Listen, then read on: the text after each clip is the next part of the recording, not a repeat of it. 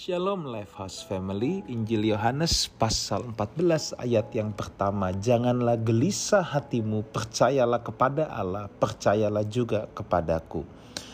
Saudaraku, ayat-ayat ini adalah ayat-ayat pengajaran khusus Tuhan Yesus kepada murid-muridnya. Saat Yesus hendak menjalani jalan Via Dolorosa, di mana dia sudah memberitahu bahwa mereka selamanya tidak akan bersama-sama dengan dirinya secara fisik, saudaraku ya, secara fisik.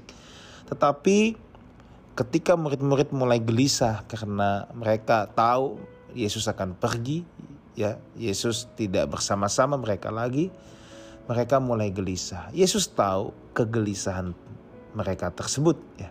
Dan Yesus berkata, "Jangan gelisah hatimu." Nah, Saudara, kenapa kita jadi gelisah, Saudara ya? Gelisah itu diakibatkan khawatir yang berlebihan. Ya.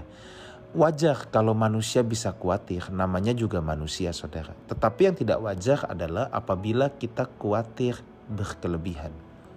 Khawatir berkelebihan, khawatir yang tidak dapat dikendalikan, itu akan menyebabkan sebuah kegelisahan Orang yang menjadi gelisah adalah tanda dia kurang iman, dia kurang mempercayai Tuhan ya, bahwa Tuhan under control dalam semuanya, bahwa Tuhan tetap in charge ya, bahwa Tuhan tetap pegang kendali.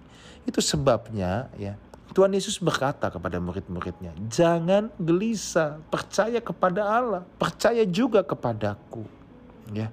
Aku itu sekalipun nanti tidak ada bersama kamu secara fisik, secara jasmani, tetapi kamu harus mempercayai aku bahwa aku tetap memegang kendali atas semuanya.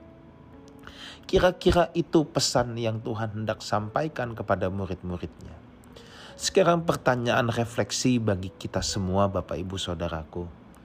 Apakah hidup kita penuh dengan kegelisahan?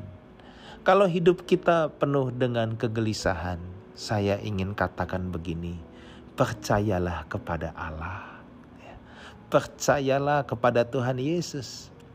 Walaupun secara fisik kita tidak bisa melihat Tuhan Yesus, tetapi percayalah Dia memegang tangan kita, Dia menuntun tangan kita dalam lembah kekelaman sekalipun, dalam ruang ICU, kamar rumah sakit, ya, ruang pekerjaan, ruang keluarga kita. Percayalah ada Tuhan di sana.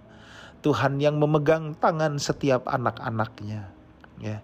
Jadi, kalau hidup kita penuh dengan kegelisahan atau kita memiliki rasa gelisah, saya hanya ingin berkata begini, yuk kita memperkuat iman kita. Kita mempertebal percaya kita kepada Allah maka saya percaya kita tidak lagi dalam kegelisahan ya. Tetapi kita bisa dalam sukacita damai sejahtera secara permanen.